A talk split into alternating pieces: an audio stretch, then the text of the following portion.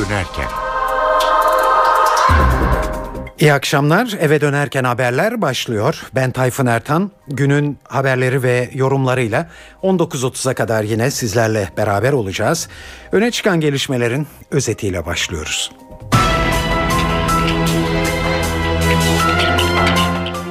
Hükümet Amerikan Büyükelçisi Richard One'nin uzun tutukluluklar ve yargı sistemine yönelik eleştirilerini Türkiye'nin iç işlerine müdahale olarak değerlendirdi. AKP Genel Başkan Yardımcısı Hüseyin Çelik Büyükelçiyi haddini bilmemekle suçladı. Richard One ile Dışişleri Bakanlığı'nda bir görüşme yapıldı. AK Parti'nin yeni anayasanın yargıyla ilgili bölümüne getirdiği köklü değişiklik önerileri beklendiği gibi yeni bir tartışma yarattı. CHP düzenleme hayata geçerse kuvvetler ayrılığı ve demokrasi son bulur diyor. Meclis İnsan Hakları Komisyonu Uludere'de 34 kişinin hayatını kaybettiği hava bombardımanına ilişkin incelemesini tamamladı ancak rapor henüz açıklanmadı. Askeri casusluk iddianamesi HSYK'yı harekete geçirdi. Kurul iddianameyi hazırlayan savcı hakkında inceleme izni verdi. Arap Baharı'nın başladığı Tunus bir suikastle sarsıldı. Solcu muhalif lider Şükrü Belid'in suikaste kurban gitmesi üzerine tansiyon yükseldi. Ve Galatasaray Didier Drogba'ya kavuşuyor. Drogba yarın öğleden sonra İstanbul'da olacak.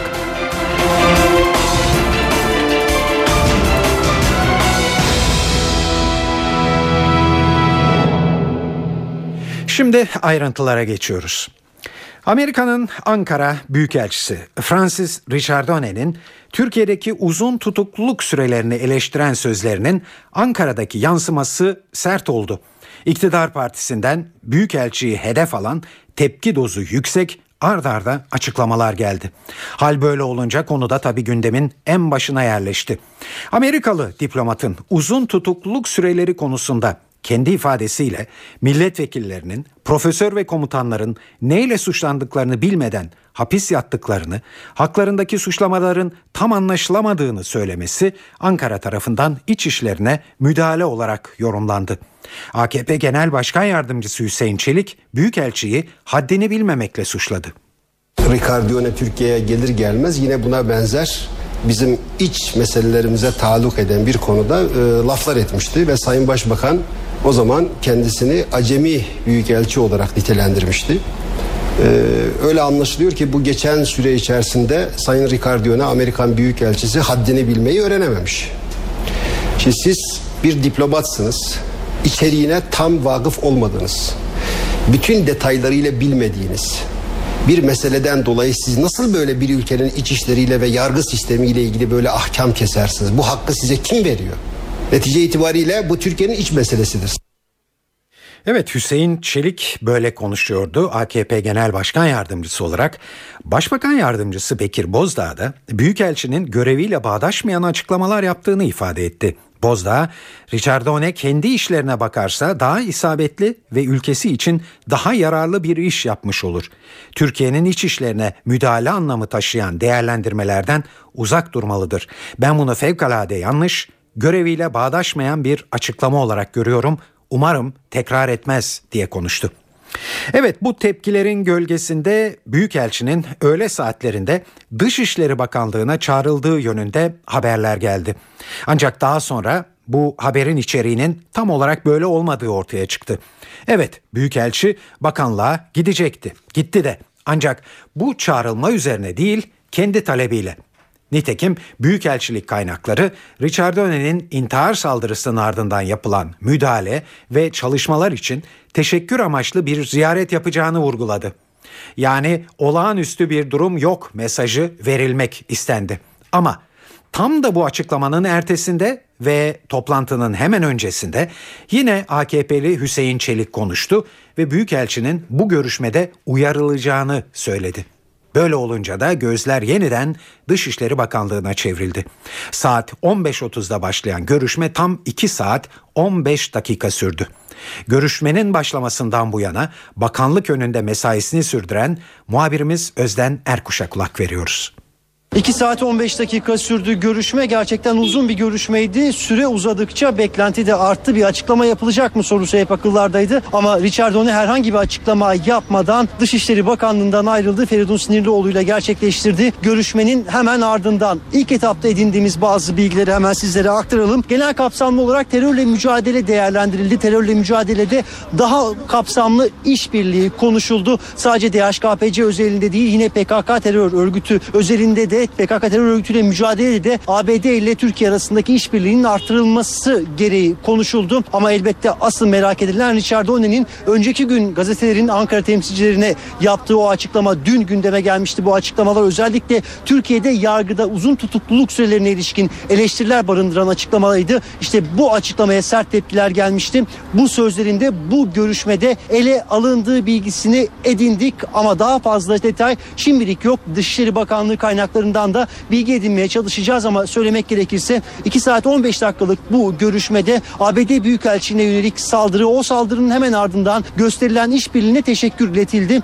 Daha sonra yine bu kapsamda yürütülmekte olan soruşturma konuşuldu. Terörle mücadele sadece DHKPC özelinde değil PKK ve diğer terör örgütleri genelinde de e, kapsamlı bir işbirliği yapılması gerektiği konusunda bir görüşme gerçekleştirildi. Bunların yanı sıra Richard Donne'nin sözleri o açıklamaları da yine Feridun Sinirlioğlu ile yaptığı o 2 saat 15 dakikalık görüşmede ele alındı.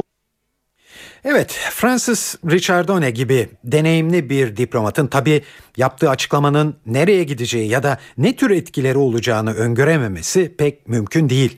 Siyasi analistler Büyükelçinin bu sözlerinin çok planlı olduğu kanısındalar. Sabah gazetesinin Ankara temsilcisi Okan Müderrisoğlu, Richard One'nin ses getiren bu açıklamaları yaptığı gazeteci grubunun içerisinde yer alan isimlerden biriydi.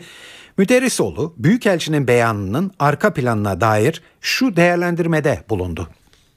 Amerikan Büyükelçisi'nin bugünkü tartışma konusu olan toplantısı ve sözleri çok planlıydı. Nereden biliyoruz? Evet e, toplantı DHKPC'nin Amerikan elçiliğe yönelik canlı bomba saldırısı üzerine e, odaklandı ama ondan sonra Büyükelçi konuyu birdenbire e, Türkiye'de iyi bir yasama var, iyi yasama uygulamaları var ama bunun polis tarafından da iyi uygulanması, yargı tarafından da gereğini yerine getirilmesi halkın da mahkemelere güveninin tam olması gerekir gibi bir söz söyledi. Sonra bunu ben söylemiyorum sadece dedi. Bunu sizin liderliğiniz söylüyor diyerek aslında Cumhurbaşkanının, Meclis Başkanı'nın, Başbakan'ın zaman zaman uzun tutukluluklarla ilgili eleştirilerini kendi değerlendirmelerine bir anlamda siper yaptı ve ondan sonra biraz daha belki rahat ve özgüvenle konuşmaya başladı. Ondan sonra tutuklu komutanlar, tutuklu vekiller, işte şiddete bulaşmayan tutuklu öğrenciler şeklinde aslında bunun bir geri planı daha var. Kısa bir süre önce Büyükelçilik'te yine bir davet vardı. Gözlerden biraz uzak gerçekleşti ama o davette de New York merkezli işte gazetecileri izleme komitesinin Türkiye raporu ve oradaki tutuklu gazeteciler yaklaşımıyla ilgili de bir değerlendirme olmuş ve orada da çok net mesajlar verilmişti.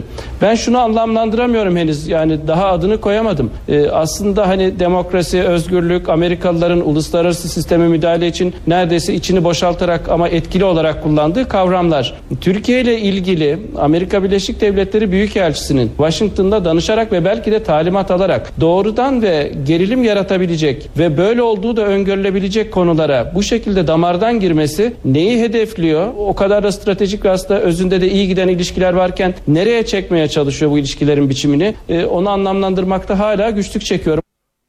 Evet, Büyükelçinin açıklamaları Ankara'da sert tepki görünce muhalefet de konu üzerine değerlendirmelerde bulundu. CHP Genel Başkanı Kemal Kılıçdaroğlu Büyükelçinin sözlerini destekledi, sorunlarımızı dile getiriyor, bunları konuşmalıyız dedi. Sayın Başbakan'a sorun. Ülkeyi hangi hale getirdiğini, neye dönüştürdüğünü herhalde kavramıştır. Bir ülkenin sorunları bir başka ülkenin büyükelçisi tarafından dile getiriliyorsa oturup konuşmamız lazım. Oturup düşünmemiz lazım. Biz bu ülkeyi yönetemiyoruz anlamı çıkıyor orada. O nedenle acaba Sayın Başbakan bu konuda ne düşünüyor? Önce bunu bizim bilmemiz gerekiyor. MHP Grup Başkan Vekili Oktay Uralsa AKP'li Hüseyin Çelik'in Büyükelçi haddini bilmeli sözlerini hatırlattı. Madem öyle haddini bildirsinler dedi. E bildirsinler haddini ya. Yani bunlar hükümet değil mi? Yani haddini bildirsinler. Lafla peynir gemisi yürümüyor. Bütün bu gelişmeler Türkiye ile Amerika Birleşik Devletleri arasında son zamanlarda bir karşılıklı ikaz ve uyarı alışverişinin geçtiği bir zamanda meydana geliyor. Türkiye, Ricardone'ye haddinin bildirilmesi gerektiğini düşünürken Amerikan yönetiminin de Türkiye'den yapılan bazı açıklamaları kışkırtıcı bulduğunu ve rahatsız olduğunu biliyoruz. Bunun son örneğini size dün akşamki yayınımızda duyurmuştuk. Hatırlayacaksınız Amerika Başbakan Erdoğan ve Dışişleri Bakanı Ahmet Davutoğlu'nun İsrail'in Suriye'ye düzenlediği hava saldırısını eleştirirken kullandığı ifadelere tepki gösterdi. Amerikan Dışişleri Bakanlığı sözcüsü Victoria Nuland, tahrik edici yorumlar bizi çok rahatsız ediyor.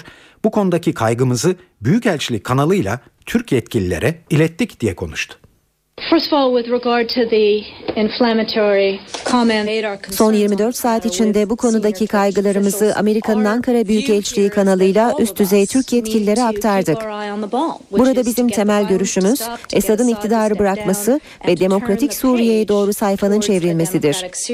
Ancak bu tip yorumlar sürece katkı sağlamaz. Hedef üzerindeki konsantrasyonu bozar.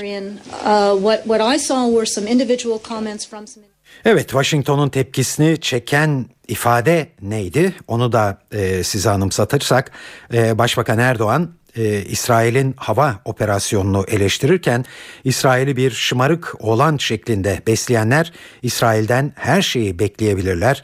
İsrail tarihinin de affetmeyeceği bir devlet yapısına sahip diye konuşmuştu.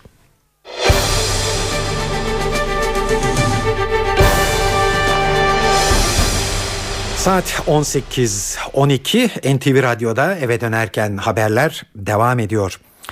AK Parti'nin yeni anayasanın yargıyla ilgili bölümüne getirdiği gayet köklü değişiklik önerileri beklendiği gibi yeni bir tartışma başlattı.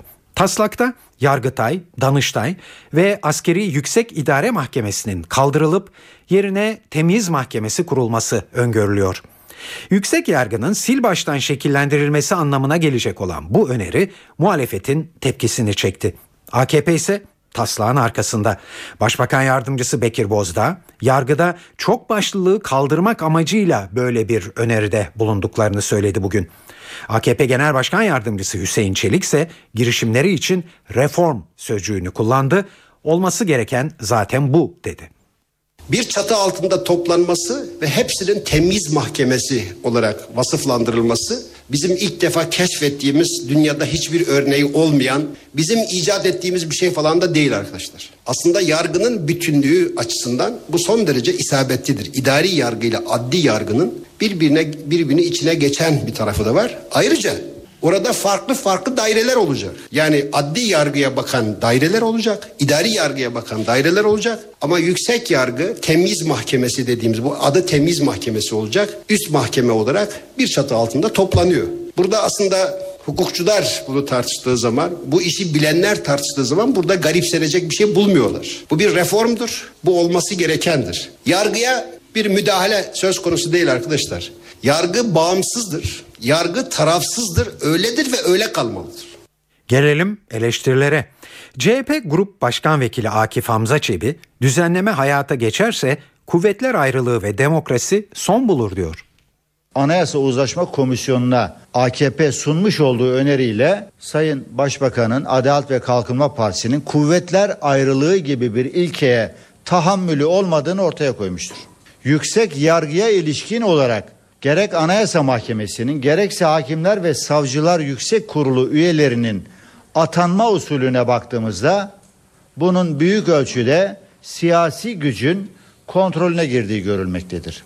Bunun anlamı kuvvetler ayrılığına, demokrasiye elveda demektir. MHP Grup Başkan Vekili Oktay Vural da girişimin demokrasiye darbe anlamına geleceği düşüncesinde haklının hukuku değil üstünlerin hukuku geçerli olacaktır. Bu yapılanmanın amacı ve hedefi budur. Adana'nın Ceyhan ilçesinde bulunan cezaevinde yaklaşık bir saat kadar önce bir yangın çıktı. Yangında ilk belirlemelere göre 7 kişi yaralandı. İtfaiye ekiplerinin alevlere müdahalesi şu anda devam ediyor. Son durumu muhabirimiz Hasan Uylaş'tan alıyoruz. Yangın Adalet Bakanlığı Ceyhan Bey cezaevinde meydana geldi. Çocuk koğuşunda bulunan madde bağımlısı bir hükümlü koğuştaki yatak ve çarşafları ateşe verdi. Cezaevinde 350 tutuklu ve hükümlü bulunuyordu. İlk belirlemelere göre 7 hükümlü dumandan zehirlendi ve hastaneye kaldırıldı. Yangına Ceyhan Belediyesi itfaiyesi tarafından da müdahale edildi. Bölgeye de çok sayıda ambulans sevk edilmiş durumda. Askeri casusluk iddianamesi Hakimler ve Savcılar Yüksek Kurulu'nu harekete geçirdi. Kurul iddianameyi hazırlayan savcı hakkında inceleme yapılması için izin verdi. HSYK müfettişleri özel hayata dair bilgilerin iddianameye girdiğini saptarsa savcı hakkında soruşturma başlatılacak. Bu gelişmeye yol açan olay geçen hafta yaşanmıştı. Donanma Komutanı Nusret Güner kızının özel hayatına dair bilgilerin casusluk iddianamesinde yer aldığını söylemiş, bunu da emekliliğini istemesinin nedenlerinden biri olarak saymıştı. Ankara muhabirlerimizden Ahmet Ergen anlatıyor.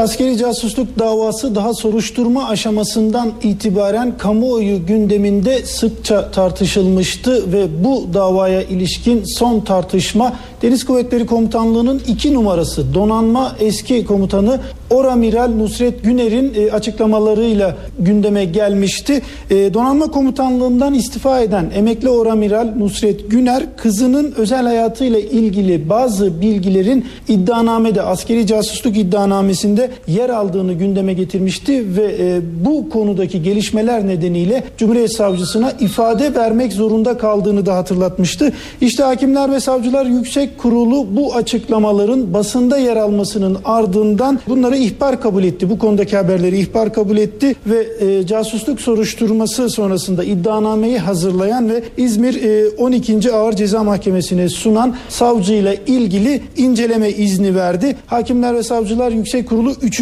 dairesi bu kararı aldı ve kurul müfettişleri iddianamede özel hayata dair verilerin olup olmadığını, yer alıp yer almadığını araştıracak. Yine NTV olarak bizim edindiğimiz bilgilere göre e, Hakimler ve Savcılar Yüksek Kurulu'nun daha önce bir genelgesi vardı. Soruşturmayla ilgisi olmayan özel hayata dair bilgilerin iddianamede yer almamasına yönelik bir e, genelgeydi bu. Bu genelgeye rağmen eğer bu tür bilgiler askeri casusluk soruşturmasına dair iddianamede yer almışsa bu belirlenirse savcı hakkında soruşturma da başlatılacak. E, Hakimler ve Savcılar Yüksek Kurulu'nun aldığı inceleme e, izni kararıyla ilgili detaylar bu şekilde. Balyoz davasında 18 yıl hapse mahkum olan emekli Orgeneral Ergin Saygun İstanbul'da kalp ameliyatı geçirdi. Bu operasyon devam ederken adli tıptan mahkemeye kritik bir rapor gönderildi. Raporda Saygun'un cezaevinde yaşamını tek başına sürdüremeyeceği ifade edildi. Gelişme üzerine gözler balyoz davasını karara bağlayan mahkemeye çevrildi. Saygın bugün tahliye edilebilir. Ayrıntıları NTV muhabiri Yağız Şenkal anlatıyor. 9 saat boyunca devam etmişti ameliyat. Kızı dışarıya çıktı. Doktordan bilgi aldığını söyledi. Ameliyatın gayet başarılı geçtiğinden bahsetti. Tebrikleri kabul ediyorlar. 9 saat boyunca devam etti. Bu riskli kalp ameliyatı ve Ergün Saygun'un durumunun iyi olduğunu söyledi kızı. Şimdi gün boyunca tartışılan ikinci bir madde daha var. Bundan bahsedelim. Ergün Saygun ameliyat masasına tahliye oldu mu olmadı mı? Bu sorunun yanıtı tam olarak belli değil. Biz de bu sorunun yanıtını arıyoruz. Bir önce geçmişi özetleyelim size ki bugünkü gelişmeleri biraz daha iyi anlayabilin. Biz şu anda İstanbul Halkalı'dayız. Mehmet Akif Ersoy Kalp Hastanesi'ndeyiz. Yaklaşık 7,5 aydır balyoz davasından 18 yıl hapis cezası alan eski 1. Ordu Komutanı emekli Orgeneral Ergin Saygun yaklaşık 7,5 aydır bu hastanede tedavi görüyor ve bir ay önce hastane bir hastane yönetim bir rapor hazırladı. Ne yazıyordu bu raporda? Eğer daha fazla hastanede kalırsa hastane enfeksiyonu, hastane virüsü kapabilir demişti. İşte bu raporla beraber ailede mahkemeye başvurdu. Tutuksuz yargılansın dedi. Eve çıkaralım dedi babamızı. Fakat böyle bir karar olmadı. Mahkeme hayır dedi. Devam edecek dedi. Tutuksuz yargılanmasına izin vermedi. Adli tıpa sevk etti raporu ve bugün işte aradan 10 gün geçtikten sonra da Ergün Saygun hastane yönetiminin korktuğu e, enfeksiyonu kaptı. Ardından da rapor adli tıpa sevk edildi ve Ergün Saygun bugün hastane virüsünü kaptığı için ameliyat olurken e, adli tıptan rapor çıktı. Ne dendi o raporda hemen ondan bahsedelim. Hastanede yatarak tedavisi sağlanmalı. Cezaevinde kalamaz şeklinde bir rapor vardı. İşte o rapor bugün şu anda 10. Ağır Ceza Mahkemesi'nde 10. Ağır Ceza Mahkemesi'nin bugün bir karar vermesi bekleniyor. Avukatın açıklaması böyle. E, talih olacak mı olmayacak mı? 10. Ağır Ceza Mahkemesi'nin bu e, hükmünden sonra belli olacak. Şu anda aktarabileceğimiz tek kesin şey ise 9 saat süren Ergün Saygın 9 saat süren kalp ameliyatı başarılı geçti ve Ergün Saygın'ın ilk bilgiye göre sağlık durumu iyi. Meclis İnsan Hakları Komisyonu Uludere'de 34 kişinin hayatını kaybettiği hava bombardımanına ilişkin incelemesini tamamladı. Ancak rapor henüz açıklanmadı. Komisyon Başkanı Ayhan Sefer Üstün muhalefetin olayın üstü örtülüyor şeklindeki eleştirisine bir yanıt verdi ve rapor yayınlandığında olayın üzerindeki sis perdesi kalkacak dedi ve yazım işleminin neden bu kadar uzun sürdüğünü de şöyle anlattı.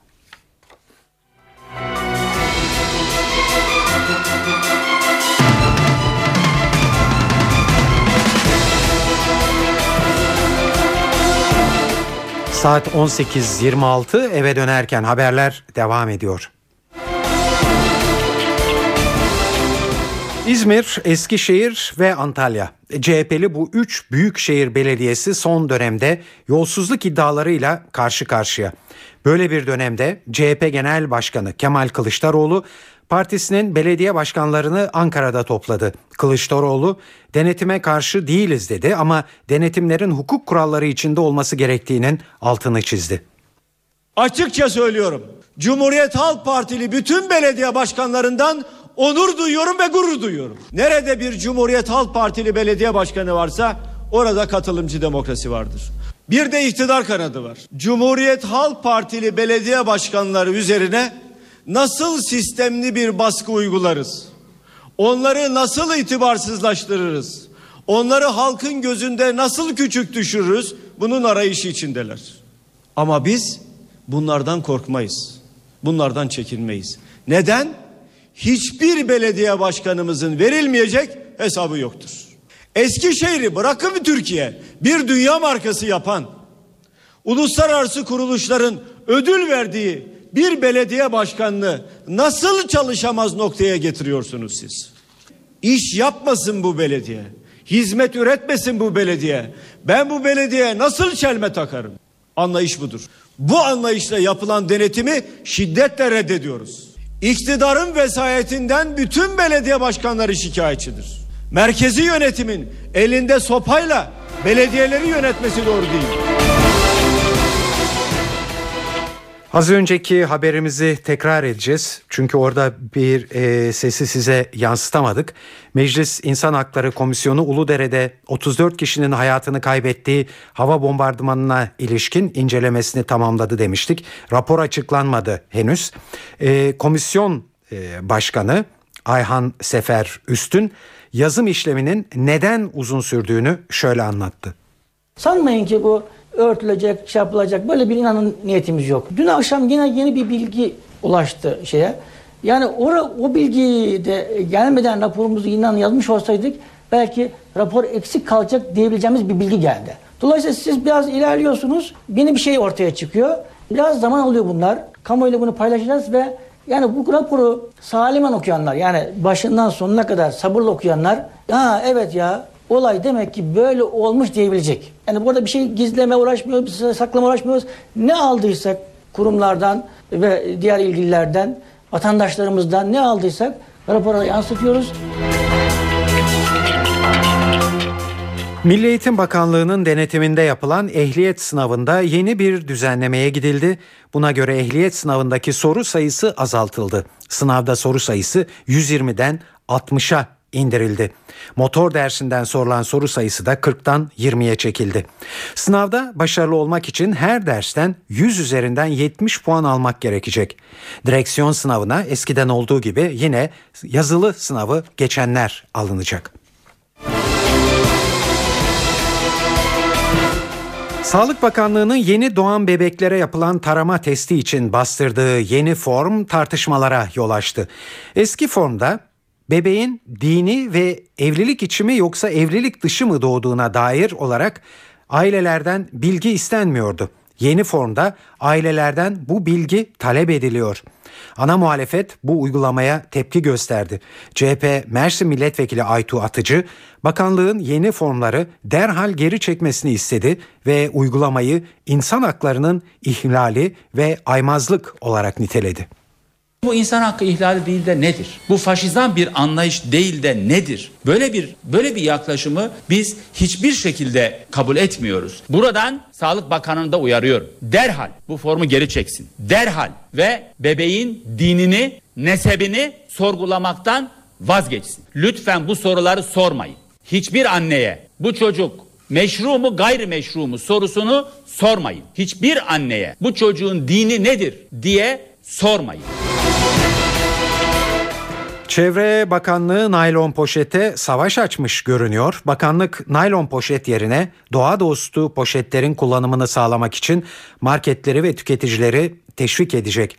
Bu kapsamda bu yeni poşetler bakanlık eliyle marketlerde bedava dağıtılacak.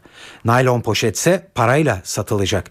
Tüketici ısrarla plastik poşet isterse onun bedelini ödemek zorunda kalacak. Uygulama gelecek yıl başlıyor.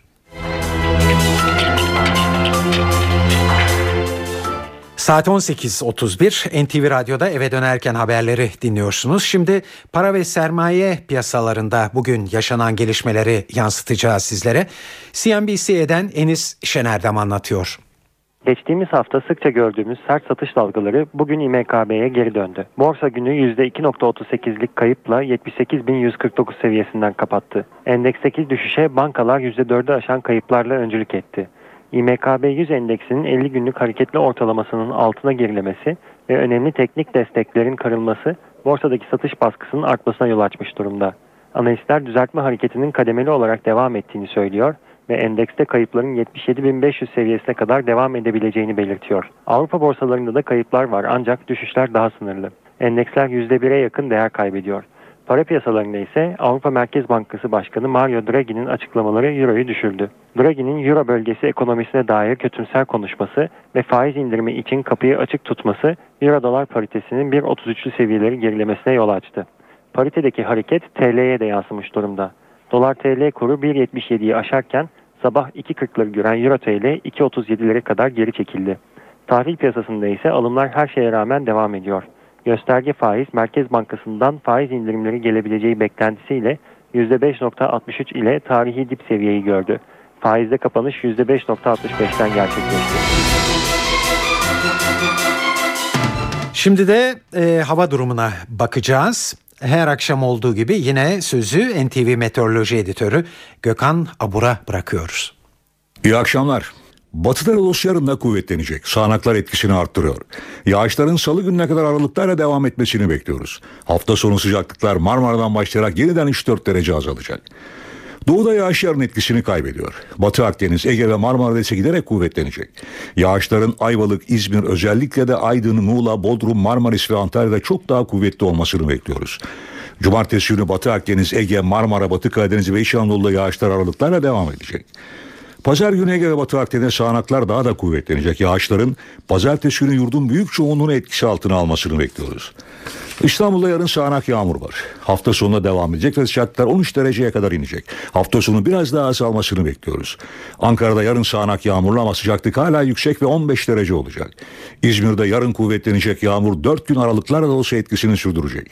Lodos'ta oldukça kuvvetli o bakımdan sıcaklık 15 derece hissedilecek. Orta Doğu ve Kuzey Afrika'da büyük değişimlere yol açan Arap Baharı'nın başladığı Tunus bir suikastle sarsıldı. Solcu muhalif lider Şükrü Belid'in suikaste kurban gitmesi ülkede tansiyonu birdenbire yükseltti.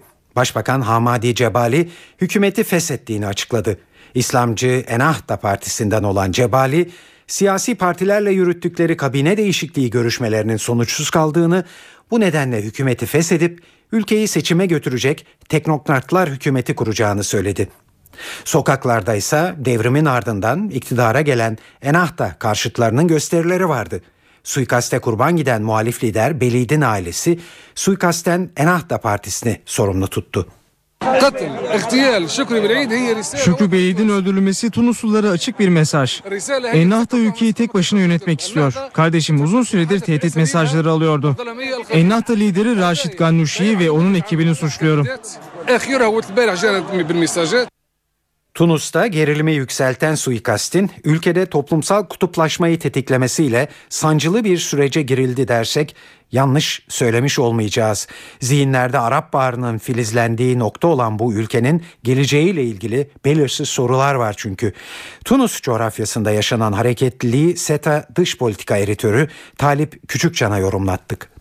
Bu dönem yavaş yavaş aslında istikrarın doğru bir yönde ilerlediği, Arap Baharı'nın aslında başladığı bu ülkede diğer Arap ülkelerinde örnek olacak bir siyasi gelişme söz konusuydu. Siyasi cinayetin işlenmiş olması Tunus'ta kırılma noktası olarak görülebilir. Zaten siyasi istikrar çok kırılgan bir hat üzerindeydi. Şimdi bu daha da derinleşebilir. Siyasi istikrarı bozmak adına özellikle ideolojik anlamda bir tarafta İslamcılığı koyup diğer tarafta laik ve sekülerliği koyup toplumu bu şekilde kutuplaştırma söz konusu olabilir. Bu olayın iki çok önemli yönü var. Tunus'taki cinayetin siyasi istikrar açısından. Hükümet dağıldı zaten. E, Tunus gibi ülkelerde şimdi yaklaşık 100'e yakın siyasi parti var. Binali döneminde 3-4 tane parti vardı hatırlarsanız. Yaklaşık 100 tane siyasi parti herkesin eşit olduğu bir ortamda siyasi yarışa giriyor. Buradan aslında çok koalisyonlu hükümetler çıkabilir ileride. Yani siyasi istikrar açısından biliyorsunuz e, tek parti demeyelim ama tek partili iktidarlar her zaman daha aslında siyasi istikrar yakalayan e, dönemleri yaşatmıştır. Şimdi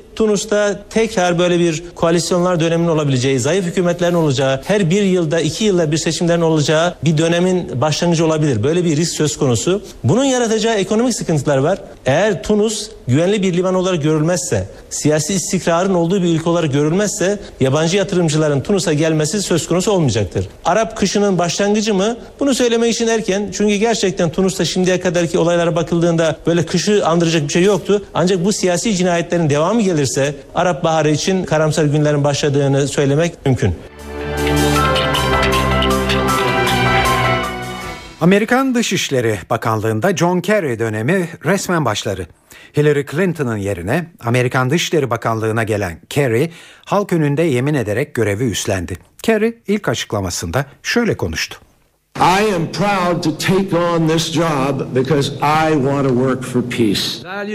Bu görevi üstlenmekten gurur duyuyorum. Çünkü ülkemizin idealleri ve değerleri için çalışmak istiyorum. Her zaman tercihim barışçıl çözümleri desteklemekten yana olmuş olsa da bazen çözüm yolları tıkanır. Teröre, kaosa karşı ayağa kalkmamız gerekir. But I make clear today to those listening. Amerikan Dışişleri Bakanı ilk yurt dışı gezisini Türkiye'ye yapacak. Bu ay içerisinde gerçekleşmesi beklenen gezinin gündeminde Suriye'deki iç savaş ve İmralı'da yapılan görüşme süreci var. Amerika Birleşik Devletleri'nin İran'a nükleer programı ile ilgili olarak birebir görüşme önerisini İran'ın dini lideri Ayatollah Ali Hamaney geri çevirdi. Hamaney Amerika'nın görüşme önerisinde bulunurken bir yandan da İran'a silahını doğrultmuş olduğunu söyledi ve Amerika ile görüşme yapmanın hiçbir şeyi değiştirmeyeceğini belirtti. İran'ın nükleer programı ile ilgili olarak uluslararası görüşmeler devam ediyor ve yeni bir tanesi de bu ay içinde yapılacak. Ancak Amerikan Başkan Yardımcısı Joe Biden geçtiğimiz hafta bu uluslararası görüşmelerin yanı sıra ikili görüşmeler yapılmasını da önermişti. Amerikan yönetimi İran'a nükleer programı ile ilgili olarak yaptırımlar uygulamakta ve daha yeni bunları genişletmişti. İşte Hamaney'in kendilerine doğrultulduğunu söylediği silah da bu yaptırımlar olsa gerek. İran yaptırımlar kaldırılana kadar nükleer konularda hiçbir şey yapmayacağını belirtiyor. Bunu da batılı ülkeler reddediyor. Bundan sonraki uluslararası görüşme 26 Şubat'ta Kazakistan'da yapılacak. Batılı ülkelerin uygulamakta olduğu yaptırımların İran'ı acıtmaya başladığı biliniyor. Ülke parası riyal tepe taklak olmuş durumda. Acil ilaç gibi bazı mallarda da ciddi sıkıntılar yaşanıyor. Birleşmiş Milletler'e bağlı Uluslararası Atom Enerjisi Ajansı İran'ı kendisiyle tam işbirliği yapmamakla suçluyor. Kuruluşun geçen yıl Kasım ayında yayınladığı raporda özellikle Tahran'dan 20 kilometre uzaklıktaki Perşin tesisiyle ilgili endişeler dile getirilmişti. İran bu tesiste kuruluş denetçilerinin inceleme yapmasını reddetmekte. Avrupa'daki ekonomik kriz bu kez Fransız çelik işçilerini sokağa döktü. Strasbourg'da Avrupa Parlamentosu yakınlarında toplanan işçiler fabrikalarının kapanmasını ve binlerce kişinin işsiz kalmasını protesto etti. Gösteri sırasında sokaklar savaş alanına döndü. Bazı işçiler polisle çatıştı. Polis biber gazı ve göz yaşartıcı bombayla karşılık verdi. Olayda yaralananlar oldu. Şirket Avrupa çapında 10 fabrikayı kapattı. 60 bin kişi işsiz kaldı. Avrupa Parlamentosu üyelerinden hesap sormaya geldik. Onlar Avrupa halklarının ve işçilerin haklarını korumak için buradalarsa cevap versinler. Daha kaç bin kişi işsiz kalacak? Yalnızca çalışmak istiyoruz. Binlerce işçi daha çıkarılacak ve Fransız hükümeti bunu destekliyor. Sarkozy'ye kızıyorduk ama Hollande ondan beter çıktı. O işçilerin çıkarılmasını destekliyor. Durum içler acısı. Yunanistan'daki ekonomik kriz ve yoksulluk başkent Atina'da Afrika benzeri göze, görüntülere de neden oldu. Çiftçiler hükümetin tarım ürünlerine vergileri yükseltme planından vazgeçmesi talebiyle eylem yaptı.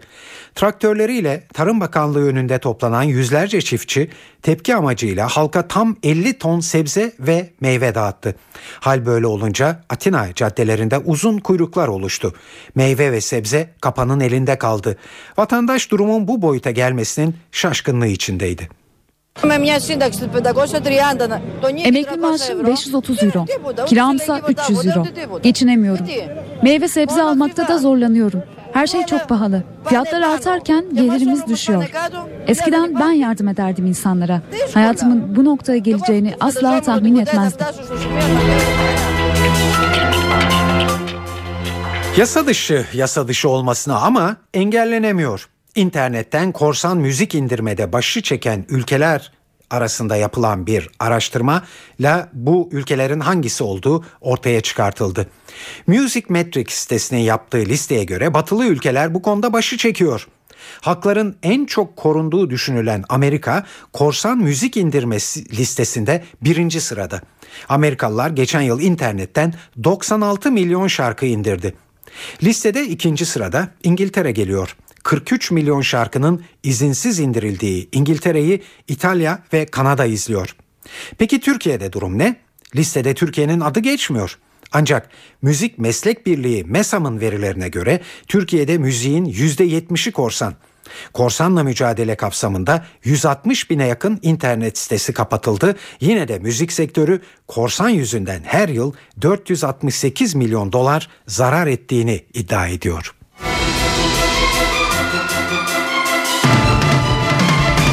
Kola içmek yaygın düşüncenin tersine ishale iyi gelmiyormuş.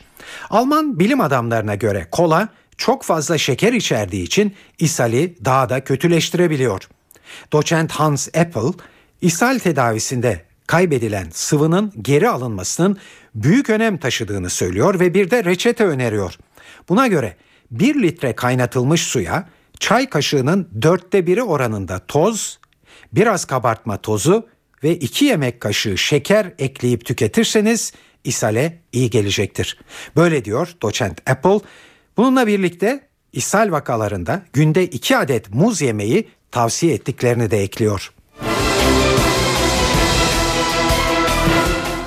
Mart ayında oynayacağı 2014 Dünya Kupası eleme grubu maçlarına hazırlanan milli takım dün akşam Çek Cumhuriyeti, Cumhuriyeti ile yaptığı özel maçta beklentileri hiç karşılamadı.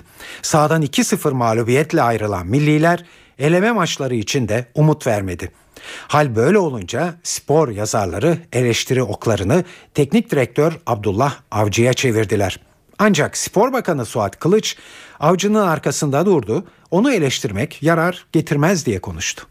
Manisa'da özel bir maç oldu. Manisa'da tarihi bir gün yaşadı, yaşandı. Daha ziyade bu tarafı önemliydi. İnşallah milli takım oturur kısa zamanda. E, milli maçlar değişik zamanlarda Türkiye'nin değişik illerinde oynanabilir. E, bu konuda biz de olumluyuz. Federasyon da sıcak. Anadolu'dan da talep var. Siz de burada gördünüz. Saha tıklım tıklım ve e, seyircide ciddi bir coşku var, mutluluk var, sevinç var. Türkiye'nin değişik illerine bu sevinci yaşatmak lazım. Milli takım hocası üzerinde e, yorum yapıldığı andan itibaren milli takımda hiçbir şey düzene girmez. Milli takım hocası üzerinde yorum yapmak bizim işimiz değil. E, hocayı bırakmak lazım. En iyi milli takımı kurması, en ideal 11'i bulması için hocaya şans ve fırsat vermeye devam etmek lazım. Nihayetinde altyapılarda yaşanan sorunlar var. Yabancı sayısından kaynaklı sorunlar var. Kısıtlı kaynaklar var maalesef. Zaman içerisinde ümit ve temenni ediyorum ki kaynaklar daha da zenginleşecektir. Milli takımın da futbolcu kaynakları, insan kaynakları zaman içinde çoğalacaktır. Nihayetinde ülkeye gelen yabancı transferleri milli takımda oynatma şansına sahip değilsiniz. Altyapıdan yetişip gelen Türk çocukları bu takımda oynatmak mecburiyetiniz var. Elbette ki hocanın da bu anlamda zorlukları vardır mutlaka. Ama zaman içinde dediğim gibi e, bu zorluklar aşılacak ve mutlaka maçın başındaki en ideal ilk 11 mutlaka bulunacak. Beşiktaş Başkanı Fikret Orman ligde ard arda alınan başarısız sonuçlara rağmen teknik ekibe ve futbolculara güvendiğini söyledi. Şampiyonluk şansımız sürüyor diyen Orman sakatlıklarla ilgili olarak da futbolculara uyarıda bulundu. Takım içerisindeki günlük sonuçlardan daha önemlisi sürekliliğidir. Şu anda Beşiktaş takımı liderden 5 puan geride. Bu puan farkı da önümüzdeki süreçte kapanmayacak bir süreç değildir. Bizim için şampiyonluktan daha önemli olan kavramlar vardı. Sahada oynayırken mücadele eden, koşan, alnını, alnın terini e, formasına akıtan insanlar ve böyle bir takım yaratmak istiyorduk. Şu anda mesela İstanbul Büyükşehir ilk maçımıza baktığımız zaman en çok koşan takım yine ligdeki Beşiktaş'tı. Bazı şanssızlıklarımız oluyor. Sakatlıklar, hakem hataları, bizim yaptığımız hatalar, oyuncu bireysel hatalarımız. Ama demin de söyledim daha her e, yolun başındayız. Yani hiçbir şey geçmiş değil bizim açımızdan. Her konuyu sadece sağlık ekibine yüklememek lazım. Oynayan oyuncularımız da profesyonel oyuncular. Profesyonelce yaşamaları ve idman programlarını takımla beraber olmadan da verilen programları profesyonelce yapmaları lazım. İdmanlarını gereği gibi yapmayıp sonra da sakatlıklar yaşanıyor. Galatasaray Didier Drogba'ya kavuşuyor sonunda. Fil dişili oyuncu yarın öğleden sonra İstanbul'da olacak. Afrika Uluslar Kupası'nda fil dişi sahili milli takımının formasını giyen Didier Drogba Takımı turnuvadan elendikten sonra ülkesine dönmüş, oradan Londra'ya geçmişti. Adadaki özel işlerini halleden yıldız golcü Galatasaray yönetimine haber gönderdi.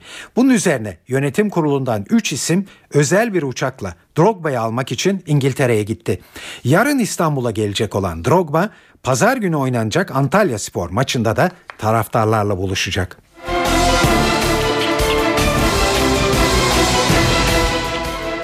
Galatasaray'a tahkim kurulundan kötü haber geldi. Kurul Galatasaraylı Felipe Melo'nun 4 maçlık cezasını onadı. Brezilyalı oyuncu Galatasaray ile Beşiktaş arasında oynanan derbi maçında Oğuzhan Özyakup'a tükürdüğü gerekçesiyle kırmızı kart görerek oyun dışı kalmıştı. Yapılan itirazı bugün değerlendirdi kurul ve hakem raporunda bulunan hususların aksini ispata değer kuvvette delil olmadığı için cezanın onanmasına oy birliğiyle karar verdi. Galatasaray'ın Amerikalı oyuncusu David Hawkins'in basketbol hayatı tehlikeye girdi. Hawkins'e yapılan doping testinin ikinci örneği de pozitif çıktı. Almanya'daki doping merkezinde açılan ikinci örnekte Hawkins'in yasaklı madde kullandığı ortaya çıktı. Yıldız basketbolcu için son kararı Basketbol Federasyonu verecek. Hawkins'e 24 ile 30 ay arası ceza verilmesinin gündemde olduğu anlaşılıyor.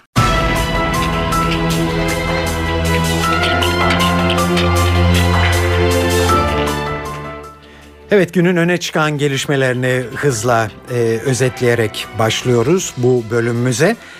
AK Parti'nin yeni anayasanın yargıyla ilgili bölümüne getirdiği köklü değişiklik önerileri beklendiği gibi Ankara'da yeni bir tartışma başlattı. Cumhuriyet Halk Partisi düzenleme hayata geçerse kuvvetler ayrılığı ve demokrasi son bulur diyor.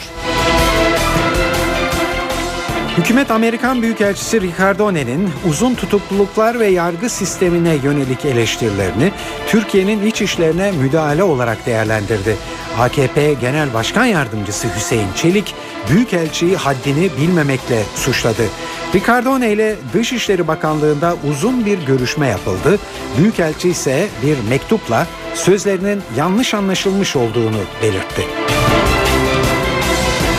Askeri casusluk iddianamesi HSYK'yı harekete geçirdi. Kurul iddianameyi hazırlayan savcı hakkında inceleme izni verdi.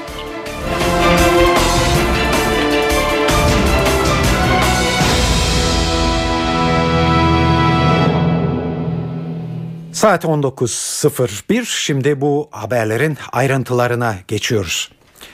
Adalet ve Kalkınma Partisi'nin yeni anayasanın yargıyla ilgili bölümüne getirdiği gayet köklü değişiklik önerileri beklendiği gibi yeni bir tartışma başlattı. Taslakta Yargıtay, Danıştay ve Askeri Yüksek İdare Mahkemesi'nin kaldırılıp yerine Temiz Mahkemesi kurulması öngörülüyor. Yüksek yargının sil baştan şekillendirilmesi anlamına gelen bu öneri muhalefetin tepkisini çekiyor. AKP ise taslağın arkasında. Başbakan yardımcısı Bekir Bozdağ yargıda çok başlılığı kaldırmak amacıyla böyle bir öneride bulunduklarını söyledi. AKP Genel Başkan Yardımcısı Hüseyin Çelik ise girişimleri için reform sözcüğünü kullandı ve olması gereken zaten budur dedi bir çatı altında toplanması ve hepsinin temiz mahkemesi olarak vasıflandırılması bizim ilk defa keşfettiğimiz dünyada hiçbir örneği olmayan bizim icat ettiğimiz bir şey falan da değil arkadaşlar. Aslında yargının bütünlüğü açısından bu son derece isabetlidir. İdari yargıyla adli yargının birbirine birbirini içine geçen bir tarafı da var. Ayrıca Orada farklı farklı daireler olacak. Yani adli yargıya bakan daireler olacak, idari yargıya bakan daireler olacak. Ama yüksek yargı temiz mahkemesi dediğimiz bu adı temiz mahkemesi olacak. Üst mahkeme olarak bir çatı altında toplanıyor. Burada aslında hukukçular bunu tartıştığı zaman, bu işi bilenler tartıştığı zaman burada garipsenecek bir şey bulmuyorlar. Bu bir reformdur, bu olması gerekendir. Yargıya bir müdahale söz konusu değil arkadaşlar. Yargı bağımsızdır. Yargı tarafsızdır. Öyledir ve öyle kalmalıdır. Gelelim eleştirilere. CHP Grup Başkan Vekili Akif Hamza Çebi düzenleme hayata geçerse kuvvetler ayrılığı ve demokrasi son bulur diyor. Anayasa Uzlaşma Komisyonu'na AKP sunmuş olduğu öneriyle Sayın Başbakan'ın Adalet ve Kalkınma Partisi'nin kuvvetler ayrılığı gibi bir ilkeye tahammülü olmadığını ortaya koymuştur. Yüksek yargıya ilişkin olarak gerek Anayasa Mahkemesi'nin gerekse Hakimler ve Savcılar Yüksek Kurulu üyelerinin atanma usulüne baktığımızda bunun büyük ölçüde siyasi gücün kontrolüne girdiği görülmektedir. Bunun anlamı kuvvetler ayrılığına, demokrasiye elveda demektir. MHP'li Oktay Vural da girişimin demokrasiye darbe anlamına geleceği düşüncesinde haklının hukuku değil üstünlerin hukuku geçerli olacaktır. Bu yapılanmanın amacı ve hedefi budur. Bunlar Haşmet Bab'ın yargısını oluşturmak istiyorlar.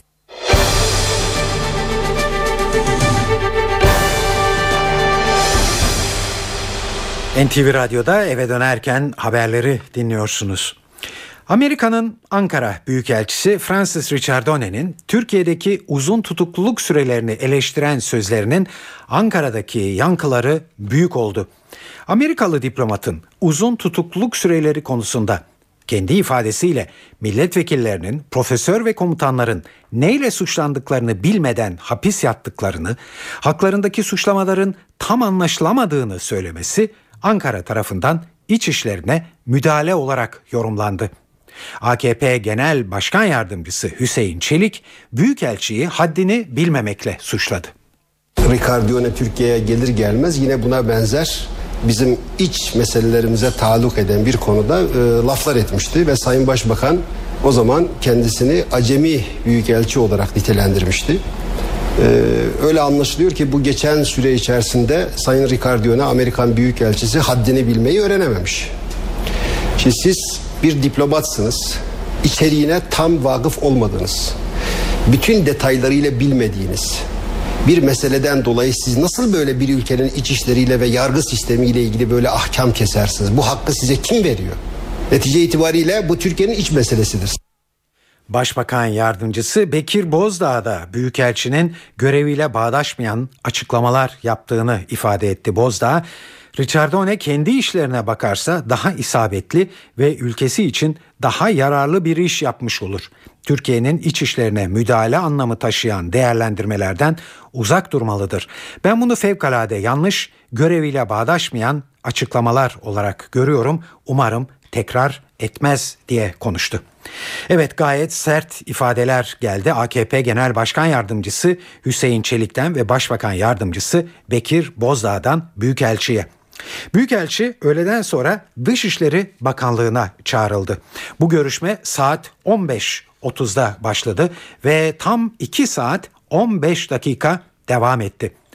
Şimdi öğreniyoruz bu görüşmenin hemen öncesinde Richardone aslında sözlerinin yanlış anlaşıldığını ifade eden bir mektup verdi AKP Genel Başkan Yardımcısı Hüseyin Çelik'e. Evet bu konudaki ayrıntıları bize Ankara muhabirlerimizden Özden Erkuş anlatıyor.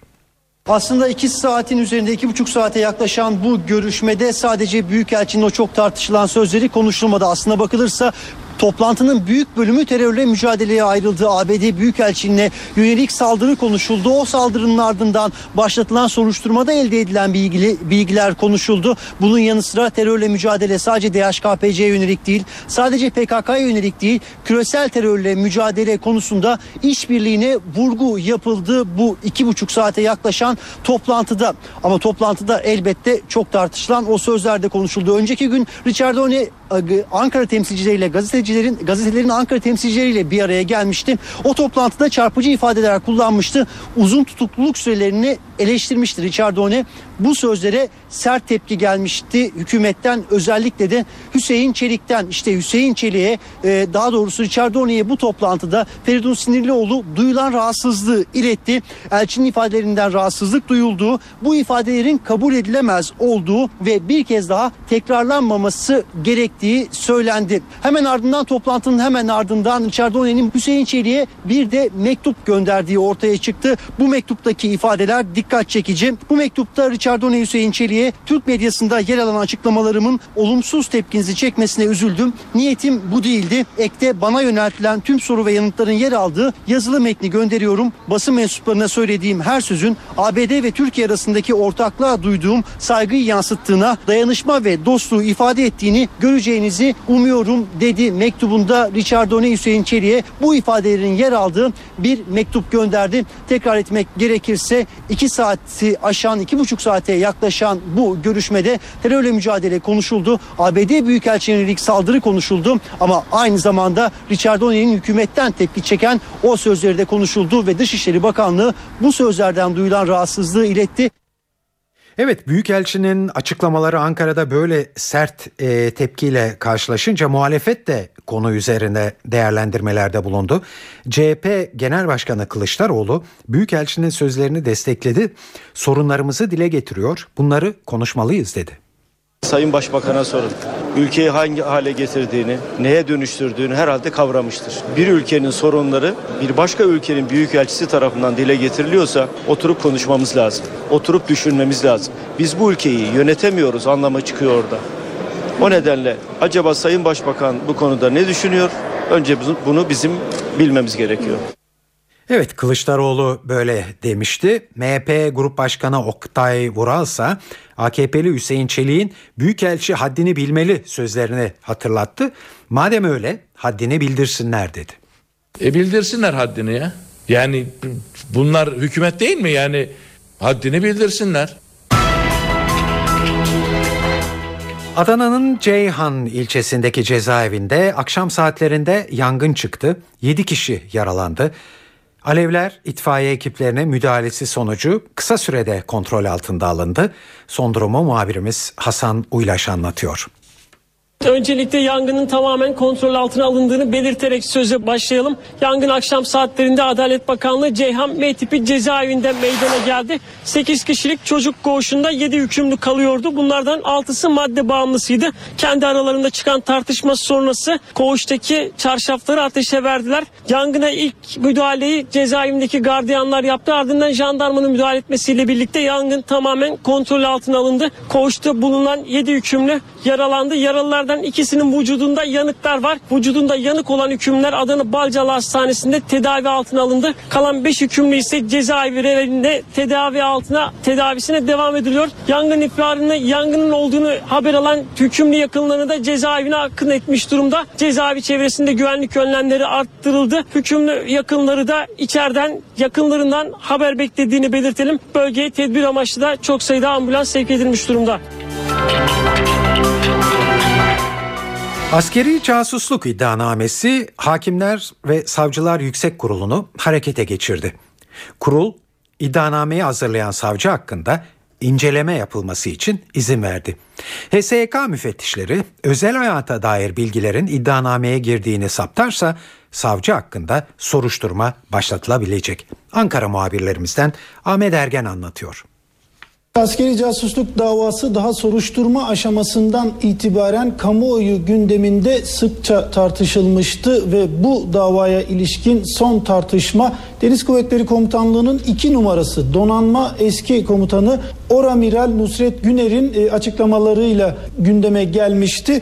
E, donanma komutanlığından istifa eden emekli Oramiral Nusret Güner kızının özel hayatıyla ilgili bazı bilgilerin iddianamede askeri casusluk iddianamesinde yer aldığını gündeme getirmişti ve e, bu konudaki gelişmeler nedeniyle Cumhuriyet Savcısına ifade vermek zorunda kaldığını da hatırlatmıştı. İşte Hakimler ve Savcılar Yüksek Kurulu bu açıklamaların basında yer almasının ardından bunları ihbar kabul etti. Bu konudaki haberleri ihbar kabul etti ve e, casusluk soruşturması sonrasında iddianameyi hazırlayan ve İzmir e, 12. Ağır Ceza Mahkemesi'ne sunan savcıyla ilgili inceleme izni verdi. Hakimler ve Savcılar Yüksek Kurulu 3.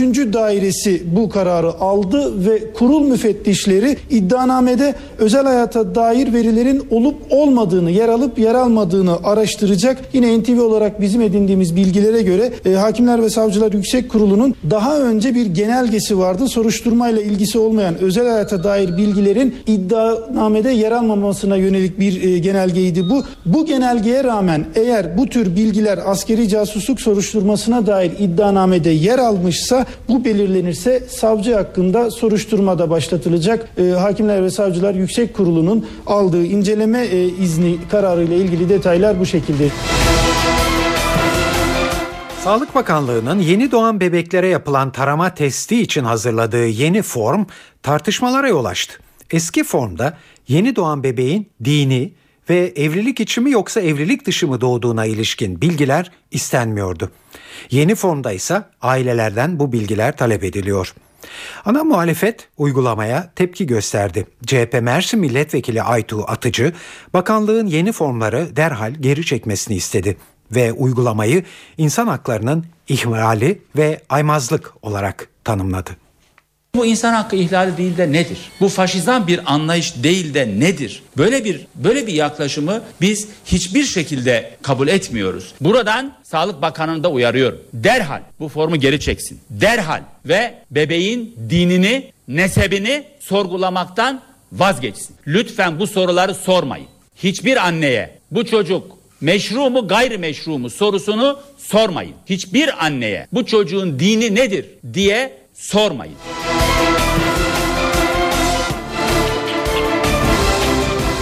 Evet futbol dünyasından bir haberle noktalıyoruz bu akşamki haberleri.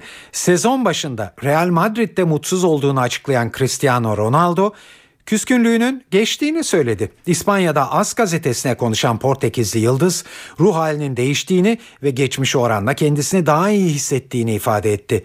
Kontratının yenilenmemesi nedeniyle üzüldüğü yönünde çıkan söylentilere de yanıt veren 28 yaşındaki futbolcu parayı hiçbir zaman düşünmediğini, bu sezon en önemli hedefinin Şampiyonlar Ligi ile Kral Kupası'nı kazanmak olduğunu ifade etti.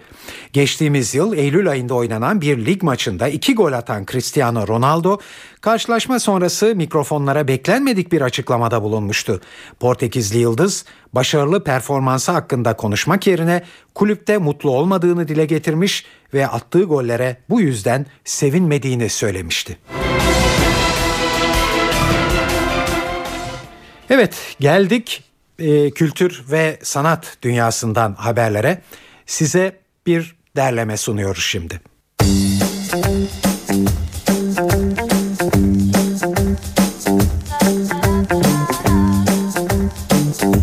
İş Sanat, Türk rock müziğinin önde gelen gruplarına ev sahipliği yapıyor. Bugün İş Sanat'ta başarılı müzik grubu Manga'nın konseri var. 55. Eurovision şarkı yarışmasında We Could Be The Same adlı şarkıyla Türkiye'ye ikincilik getiren Manga, sevilen şarkılarıyla saat 20'den itibaren sahnede. Nardiz Jazz Club'ın genç caz gitar yarışmasında dikkatleri çeken Volkan Polat grubuyla bugün Alt Jazz Club sahnesinde. Modern caz eserlerinin yanı sıra kendi bestelerine de yer veren Polat'a bu konserde trompette İner Demirer, piyanoda Jeff Giansley, kontrbasta Matthew Hall ve davulda Ferit Odman eşlik edecek. Konser bu akşam saat 21.30'da başlayacak. Keman sanatçısı Melisa Uzunarslan bugün Borusan Müzik Evi'nde. Oda müziği eserlerinden bir seçki sunacak olan Uzunarslan'ın konseri saat 20'de.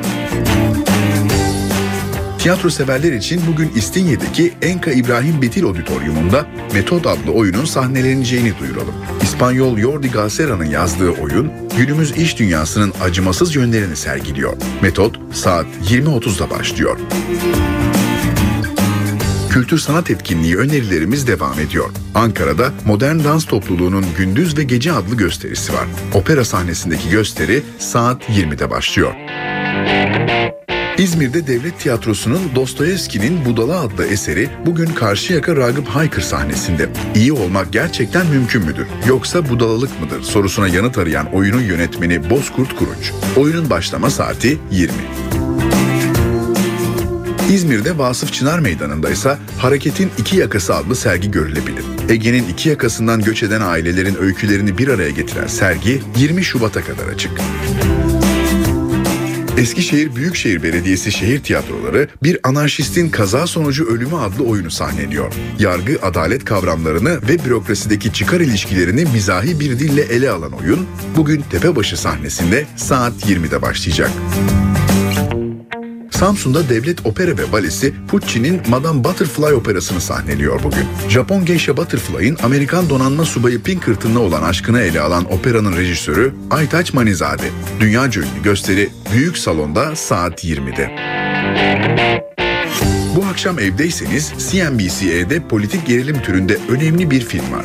Ünlü yazar Tom Clancy'nin aynı adlı romanından uyarlanan The Sum of All Fears adlı film saat 22'de başlıyor. Ben Affleck ve Morgan Freeman'ın başrollerini paylaştığı filmin konusu bugünün en güncel korkularından biri olan nükleer savaş endişesi. CNBC'de ayrıca saat 19'da Rizzoli and Isles, 20'de How I Met Your Mother ve 21'de Person of Interest adlı diziler ekranda olacak. E2'de saat 23'te Dexter, Star'da ise saat 20'den itibaren Yeteneksizsiniz Türkiye izlenebilir. Yarışmanın ardından ünlü komedi oyuncusu Ben Stiller'ın yönetip başrolünde de yer aldığı Tropik Fırtına adlı film başlayacak. Stiller'a Jack Black, Robert Downey, G.R. ve Tom Cruise'un eşlik ettiği film 23.30'dan itibaren ekranda. Eve dönerken haberler burada sona eriyor. Günün öne çıkan gelişmesini hızla özetleyelim. Hükümet Amerikan Büyükelçisi Ricardone'nin uzun tutukluluklar ve yargı sistemine yönelik eleştirilerini Türkiye'nin iç işlerine müdahale olarak değerlendirdi. AKP Genel Başkan Yardımcısı Hüseyin Çelik Büyükelçiyi haddini bilmemekle suçladı. Ricardo ile Dışişleri Bakanlığı'nda uzun bir görüşme yapıldı. Ricardone bir mektupla sözlerinin yanlış olduğunu açıkladı. Eve dönerken noktalıyoruz. Bu akşam da burada. Bu akşam e, yayınımızın editörlüğünü Sevan Kazancı, stüdyo teknisyenliğini İsmet Tokdemir yaptı. Ben Tayfun Ertan. Hepinize iyi akşamlar dileriz. Hoşçakalın.